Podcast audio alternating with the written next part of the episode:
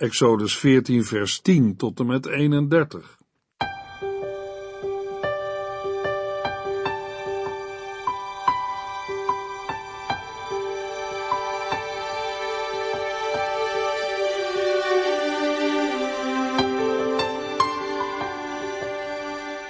Hartelijk welkom bij De Bijbel Door, een programma van Transworld Radio.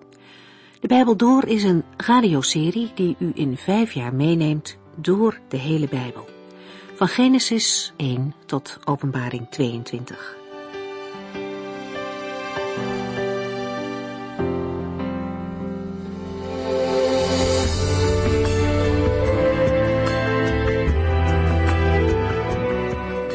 Vandaag gaan we verder met Exodus 14. In deze hoofdstukken zien we hoe de Heere God zich bezighoudt met zijn volk. Na de jarenlange slavernij neemt de Heere hen mee op reis naar het beloofde land. We zullen wel zien dat het nog lang niet zo'n makkelijke tocht is. Voor onze eigen geloofsreis kunnen we hier ook veel van leren. De Heere heeft zijn volk bevrijd, maar niet met de bedoeling om hen aan hun lot over te laten. Hij wil hun God zijn, hun leven volmaken. En gaandeweg vertelt de Heere God via Mozes het volk wat ze moeten doen en laten, om ten volle in Gods zegen te kunnen leven. En met alles wat hij zegt en voorschrijft, heeft God het beste voor zijn volk op het oog. Twee geboden zijn alvast heel belangrijk voor het wonen in het beloofde land. Het feest van de ongezuurde broden en de toewijding aan de Heere van elke oudste zoon en elk mannelijk dier dat het eerst geboren wordt. Een mooie gedachte zit daarachter, ook nu nog, al zijn we dan niet meer onder deze wet. Het eerste is voor de Heere. Hij komt op de eerste plaats. En daarmee laten we zien dat Hij het belangrijkste is in ons leven. Dat kan zich in heel veel dingen vertalen. De eerste tijd van de dag bijvoorbeeld kunnen we reserveren voor de Heere. Het eerste deel van ons inkomen kunnen we geven voor Zijn werk. En bij de keuzes die we maken, mogen we het eerste naar Hem toe gaan om raad te vragen. Voor onze kinderen hoeven we niet minder te vragen. Voortdurend mogen we bidden dat zij in de allereerste plaats hun leven aan God toewijden. Om zo in relatie met de Heere te leven, is een leven vol zegen. Meteen aan het begin van de woestijnreis laat de Heere God ook zijn kant zien. Hij is zichtbaar aanwezig. Dag en nacht is hij bij het volk om hen veilig te leiden. En die nabijheid van God hebben ze dan ook hard nodig. Hij bedenkt de beste weg, al lijkt het een omweg.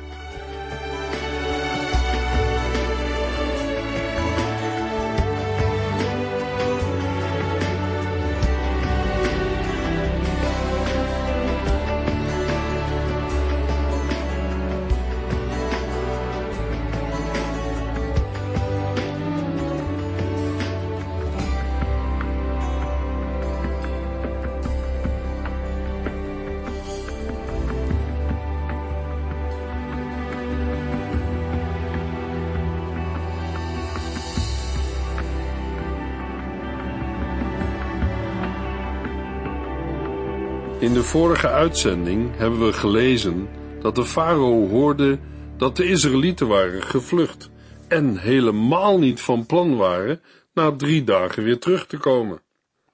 Het gevolg is dat de farao zijn rijtuig laat inspannen en de achtervolging inzet. Het leger van Egypte keert zich tegen de Israëlieten met 600 strijdwagens. Waarom zet de farao de achtervolging in? Het dringt ten volle tot hen door welke economische schade ze door de vlucht van de Israëlieten lijden. De Egyptische economie is in hoge mate afhankelijk van de inzet van slaven. In de tijd van Mozes bouwden ze de koningssteden. Wanneer een grote groep slaven, zoals de Israëlieten, plotseling wegvalt, krijgt de Egyptische economie een gevoelige klap.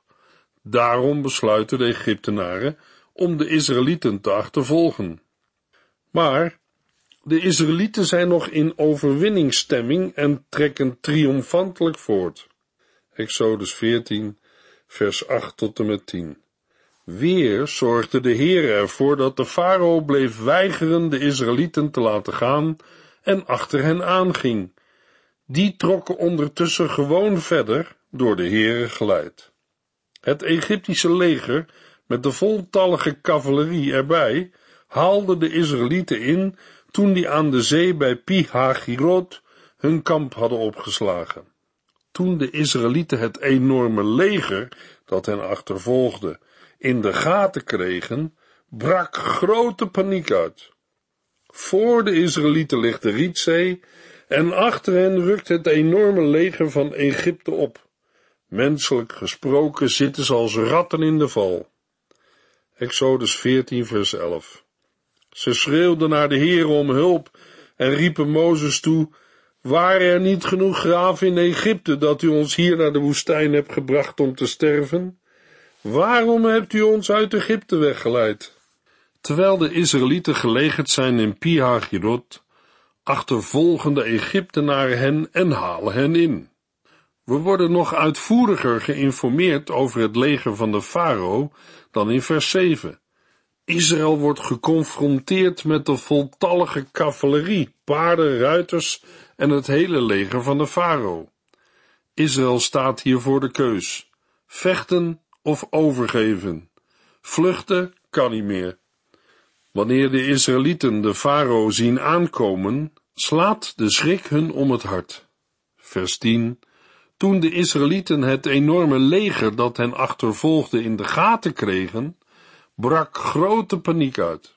Het valt op dat de Israëlieten in grote paniek tot de Heeren roepen, maar daarna op scherp verwijtende toon tot Mozes. Exodus 14 vers 11. Ze schreeuwden naar de Heer om hulp en riepen Mozes toe, waren er niet genoeg graven in Egypte dat u ons hier naar de woestijn hebt gebracht om te sterven? Waarom hebt u ons uit Egypte weggeleid? Met grote nadruk wijzen ze Mozes erop dat ze liever in Egypte waren gestorven dan nu in de woestijn. Treffend dat deze houding in zekere zin parallel loopt met die van de Egyptenaren. Zij hebben spijt van hun besluit om de Israëlieten te laten gaan. De Israëlieten herinneren Mozes aan de woorden die zij in Egypte tot hem hadden gesproken, namelijk dat ze Egypte niet willen verlaten. Exodus 14, vers 12. Wij hebben het u toch al gezegd toen wij nog slaven waren, laat ons met rust. We kunnen beter slaven zijn dan in de woestijn sterven. In momenten en perioden van groot gevaar komen vaak de slechtste kanten van mensen boven. In de angst zoekt men een zondebok en verwijt hem alles wat fout lijkt te gaan. Alle argumenten die dan te vinden zijn, worden er dan bijgehaald. De Israëlieten vergeten de wonderen en de wolkolom van de Here. Het wordt steeds duidelijker waar al deze gebeurtenissen en reacties naartoe werken naar het openbaar worden van Gods majesteit. Gods majesteit komt mede door de tegenstelling met menselijke kleinheid ten volle openbaar. Wij hebben het u toch al gezegd toen wij nog slaven waren. Laat ons met rust.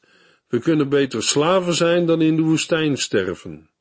Naast al het voorgaande is de uitspraak van de Israëlieten nogal ironisch vooral als we het in die tijd bekijken, na alles wat er tijdens de plagen was gebeurd en vooral na de laatste plaag. Egypte zal na het sterven van alle eerstgeborenen bijna één grote begraafplaats zijn geweest. Met dat wat er allemaal al stond, de grote piramide, als monumenten en begraafplaatsen van Egyptische koningen, mummies waren overal in Egypte te vinden. De Israëlieten zeiden tot Mozes, heb je ons naar de woestijn gebracht omdat er in Egypte niet genoeg ruimte was om ons te begraven? Ze zijn ervan overtuigd dat ze nu in de woestijn zullen worden afgeslacht. En Mozes? Blijft hij staande onder deze enorme druk? Ja, hij blijft op God vertrouwen. Hij roept het volk op om niet bang te zijn.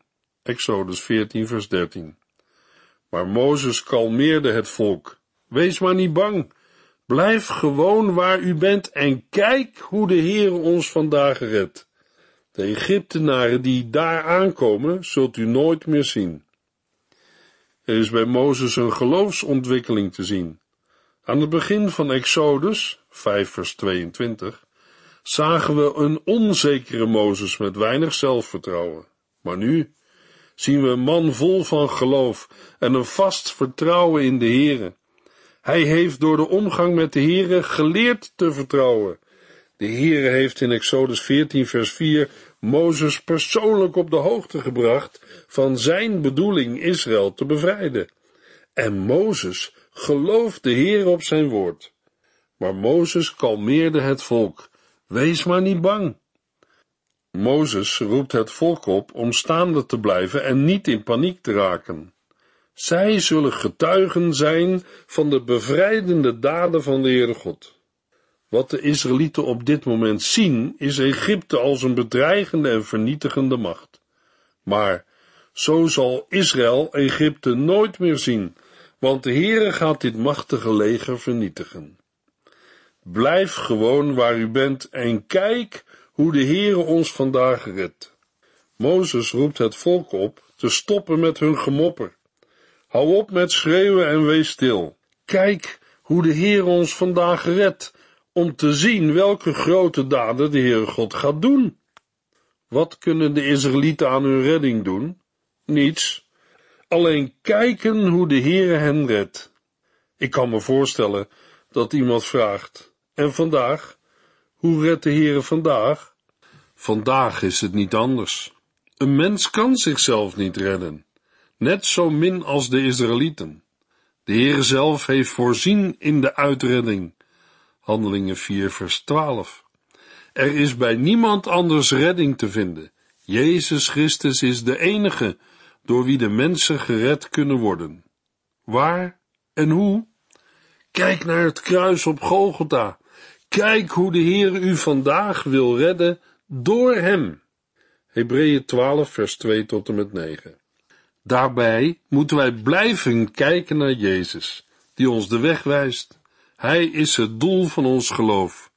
Hij kon zich aan het kruis laten slaan en de schande negeren, omdat hij wist welke blijdschap hem te wachten stond. En nu zit hij aan de rechterzijde van de troon van God. Denk aan hem die zoveel heeft doorstaan, zodat je niet verzwakt of onverschillig wordt. De Israëlieten riepen, toen ze in Egypte waren, om verlossing. De Heere God gaf hen de gelegenheid om weg te gaan. Hij bevrijdde hen, maar op het moment dat ze in gevaar zijn, willen ze weer terug naar Egypte. Als ze verlost willen worden, zal de Heer het moeten doen. Wij mensen zijn net als de Israëlieten. Natuurlijk, de situatie is anders, wij leven in een andere tijd, maar de Heer is niet veranderd.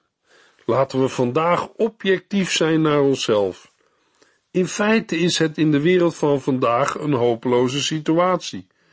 Als we alle wereldproblemen op een rijtje zetten, dan zien we dat zonde en dood aan de orde van de dag zijn. Allemaal het gevolg van datgene wat de apostel Paulus vertelt in Romeinen 5 vers 12. Samengevat is het zo, door de schuld van één mens, Adam, is de zonde in de wereld gekomen. En de dood is het gevolg van de zonde. De dood werd het lot van alle mensen, want zij zondigden allemaal. De mens is al vele jaren op weg.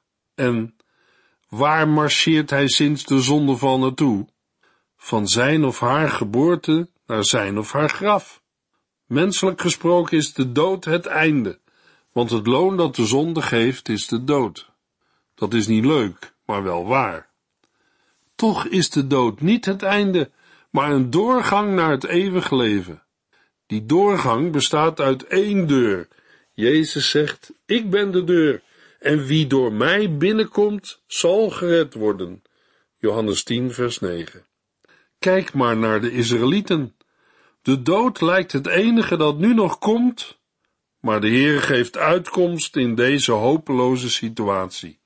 Vanuit onszelf kunnen wij mensen nooit verlost worden, tenzij de Heere God het doet. Verlossing is het werk van de Heere. Jona zegt in Jona 2 vers 9, want verlossing komt van de Heere alleen. Koning David doet eenzelfde uitspraak, want u bent mijn bevrijder en mijn rots. Psalm 71, vers 3. Dat is ook de boodschap van het hele Nieuwe Testament. Mozes kalmeerde het volk. Wees maar niet bang, blijf gewoon waar u bent en kijk hoe de Heer ons vandaag redt. De Egyptenaren die daar aankomen, zult u nooit meer zien. Exodus 14, vers 13. De Heere zal zijn volk redden. Alles wat zij moeten doen is hem geloven op zijn woord. Dat wil zeggen, zijn redding aannemen en ontvangen. Ze moeten kijken en de Heere zal het werk doen. Exodus 14, vers 14 tot en met 16. De Heere zal voor u vechten. U hoeft zelfs geen vinger naar hen uit te steken.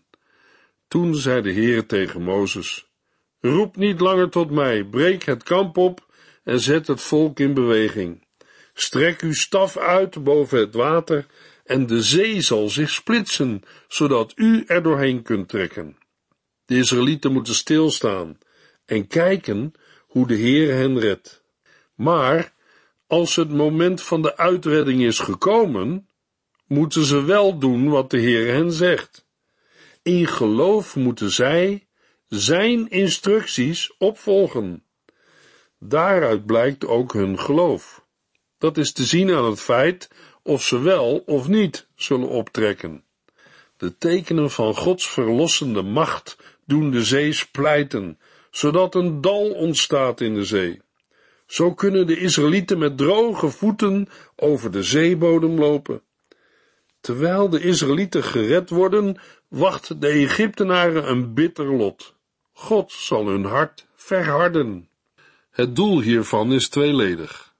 God zal zichzelf verheerlijken en hij zal aan de Egyptenaren duidelijk maken dat hij de Heer is. Exodus 14, vers 17 en 18. Ik zal de harten van de Egyptenaren verharden, zodat zij u achterna gaan, en dan zal ik mijn eer behalen door de farao, zijn strijdwagens en zijn ruiters ten val te brengen. De Egyptenaren zullen erkennen dat ik de Heere ben, wanneer ik mijn macht heb laten zien aan de farao, zijn strijdwagens en ruiters. De Heere zal de farao en zijn soldaten laten verdrinken in de zee. Nadat het spreken van de Heere tot Mozes is afgesloten, gaat de Heere over tot handelen. Dit gebeurt door het verschijnen van een engel van God. Hier verlaat de engel van God zijn normale plaats en gaat naar achteren om de Egyptenaren tegen te houden. Exodus 14, vers 19 tot en met 21.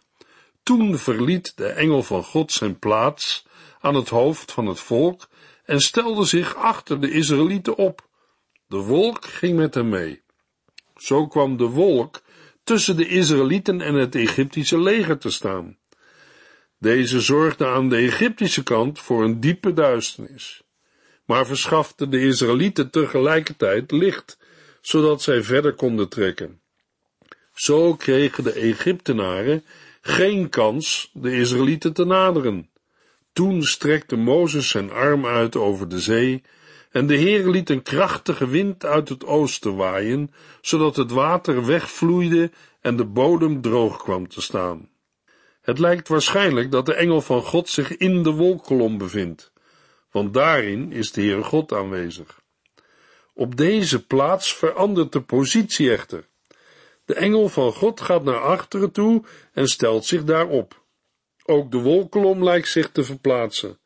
Hij geeft zijn positie aan de spits van het volk op en komt achter het volk, waar ook de engel van God is. Ik geloof dat de engel van God niemand anders is dan de openbaring van Jezus Christus in het Oude Testament voor zijn menswording. Terwijl de Heere zich manifesteert in de wolkolom en in de gestalte van de engel, neemt hij stelling tussen het volk Israël en de Egyptenaren. Er gebeurt op dat moment iets merkwaardigs. Aan de Egyptische kant zijn wolken en duisternis, waardoor de Egyptenaren niet dichterbij de Israëlieten kunnen komen. Na deze eerste daad van verlossing verricht de Heer opnieuw een wonder. Daartoe strekt Mozes zijn hand uit naar de zee. Hierna laat de Heer het water van de zee weglopen door een sterke oostenwind. De zee wordt droog gemaakt, doordat het water wegvloeide en de bodem droog kwam te staan. Er ontstaat een pad waarover de Israëlieten door de zee trekken. Wat hier gebeurt is indrukwekkend. Watermassa's die gewoonlijk het leven bedreigen, zijn een beschermende muur aan weerszijden van de Israëlieten. Deze daad van bevrijding is in het Oude en Nieuwe Testament een voorbeeld voor andere daden van bevrijding die de Heere God verricht. Exodus 14, vers 22 tot en met 25. Er ontstond een pad waarover de Israëlieten door de zee trokken. Links en rechts van hen rees het water op als een muur. De Egyptenaren aarzelden niet en volgden het volk op het pad door de zee. Alle wagens en ruiters waagden zich tussen de watermassa's. Maar in de vroege ochtend keek de Heere op de Egyptische legermacht neer vanuit de wolk en bracht hen in verwarring. De wielen van de strijdwagens gleden weg en de achtervolgers kwamen slechts langzaam vooruit. Laten we maken dat we wegkomen, riepen de Egyptenaren. De Heere vecht voor hen en tegen ons. Het wordt duidelijk voor de Egyptenaren dat wat hen overkomt zeker bovennatuurlijk is. Ze willen zich terugtrekken en ontsnappen aan de krachten die zich tegen hen keren. De Heere vecht voor hen en tegen ons. In de loop der eeuwen zijn er veel natuurlijke verklaringen gegeven voor de doortocht door de Riet of Schelfzee. Sommigen veronderstellen een combinatie van eb en de genoemde oostenwind. Anderen denken uitsluitend aan de kracht van de oostenwind die met orkaankracht waait. Hierdoor wijkt het water. Een andere opvatting is een aardbeving. Een aardbeving kan in dit gebied met veel seismische activiteit tot gevolg hebben dat het water in de Rietzee wegstroomt. Een andere uitlegger geeft aan dat er aan de noordzijde van de golf van Aqaba een landrug was waar het volk overheen kon trekken. Daarnaast neemt deze uitlegger aan dat het water door een sterke wind daadwerkelijk is opgestuwd in de vorm van twee muren. Geen enkele van de genoemde verklaringen is volledig bewijsbaar, hoewel de verbinding met de oostenwind duidelijk is, want deze wind wordt immers in de Bijbel genoemd. Maar wanneer het gebeuren geheel geïnterpreteerd wordt vanuit natuurlijke verklaringen, dan wordt geen recht gedaan aan de kern van de Bijbeltekst. De kern van de Bijbeltekst ligt hierin de Heere liet een krachtige wind uit het oosten waaien, zodat het water wegvloeide en de bodem droog kwam te staan. De Heere God grijpt persoonlijk in. Daarbij is het uiteraard mogelijk dat de Heere middelen uit de natuur heeft gebruikt om zijn wonder te bewerken. In het eerste Bijbelboek Genesis hebben we gezien dat het spreken van de Heere God genoeg is om het water onder de hemel te laten samenstromen in zeeën en het droge land zichtbaar te laten worden. En dat gebeurde. Genesis 1 vers 9. Zou voor de Heere iets te wonderlijk zijn? Voor hem is niets onmogelijk. Genesis 18 vers 14.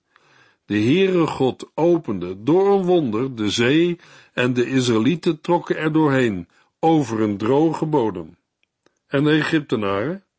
Zij zijn er nog steeds van overtuigd dat zij de Israëlieten zullen terugbrengen naar de slavendienst in Egypte. In vers 5 hebben we gelezen: We hadden die slaven nooit moeten laten gaan. Geen enkele Egyptenaar, inclusief de farao, zou hebben toegegeven dat ze de Israëlieten achtervolgden, omdat de Heere hun hart had verhard.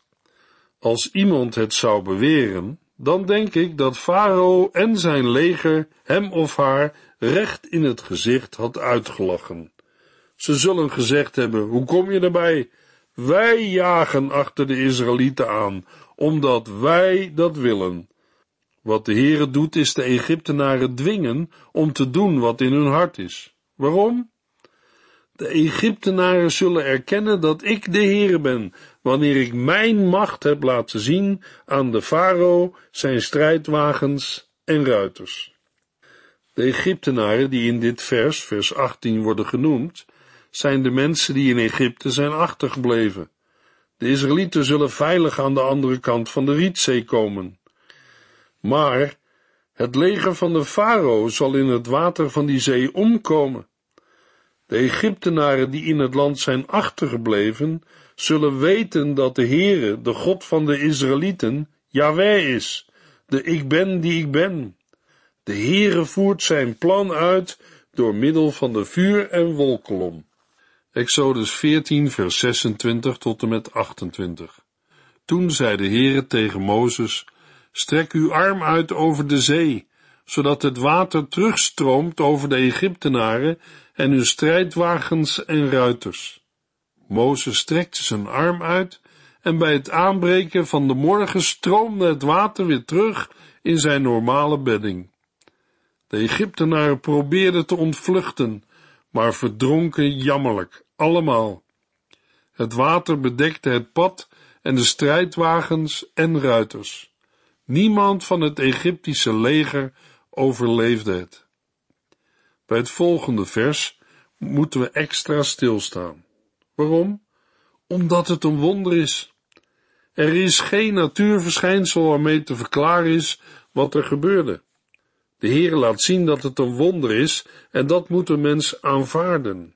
Exodus 14, vers 29. Maar het volk Israël was over een droog pad tussen de watermassa's doorgetrokken. De watermassa's waren als muren voor Israël, links en rechts de watermassa's en een droog pad ertussen. Het is niet op een natuurlijke wijze te verklaren. Exodus 14, vers 30 en 31. Zo redde de Heere die dag zijn volk uit de macht van de Egyptenaren. De Israëlieten zagen de levenloze lichamen die aangespoeld waren. Toen besefte het volk wat een groot wonder er was gebeurd. Allen hadden diep ontzag voor de Heere en geloofden in hem en in zijn dienaar Mozes. Deze twee laatste versen van Exodus 14 geven het doel van Gods bevrijding van Israël aan. Aan het begin van de tocht liet de Heere zijn macht zien door de bevrijding uit Egypte. Nu, bij de Rietzee, laat de Heere zijn macht weer zien door hen veilig door de zee te leiden en hun vijanden te vernietigen. De Heere bevrijdt zijn kinderen door zijn sterke rechterarm. Daarover zingt Mozes een lied. Daarover meer in de volgende uitzending.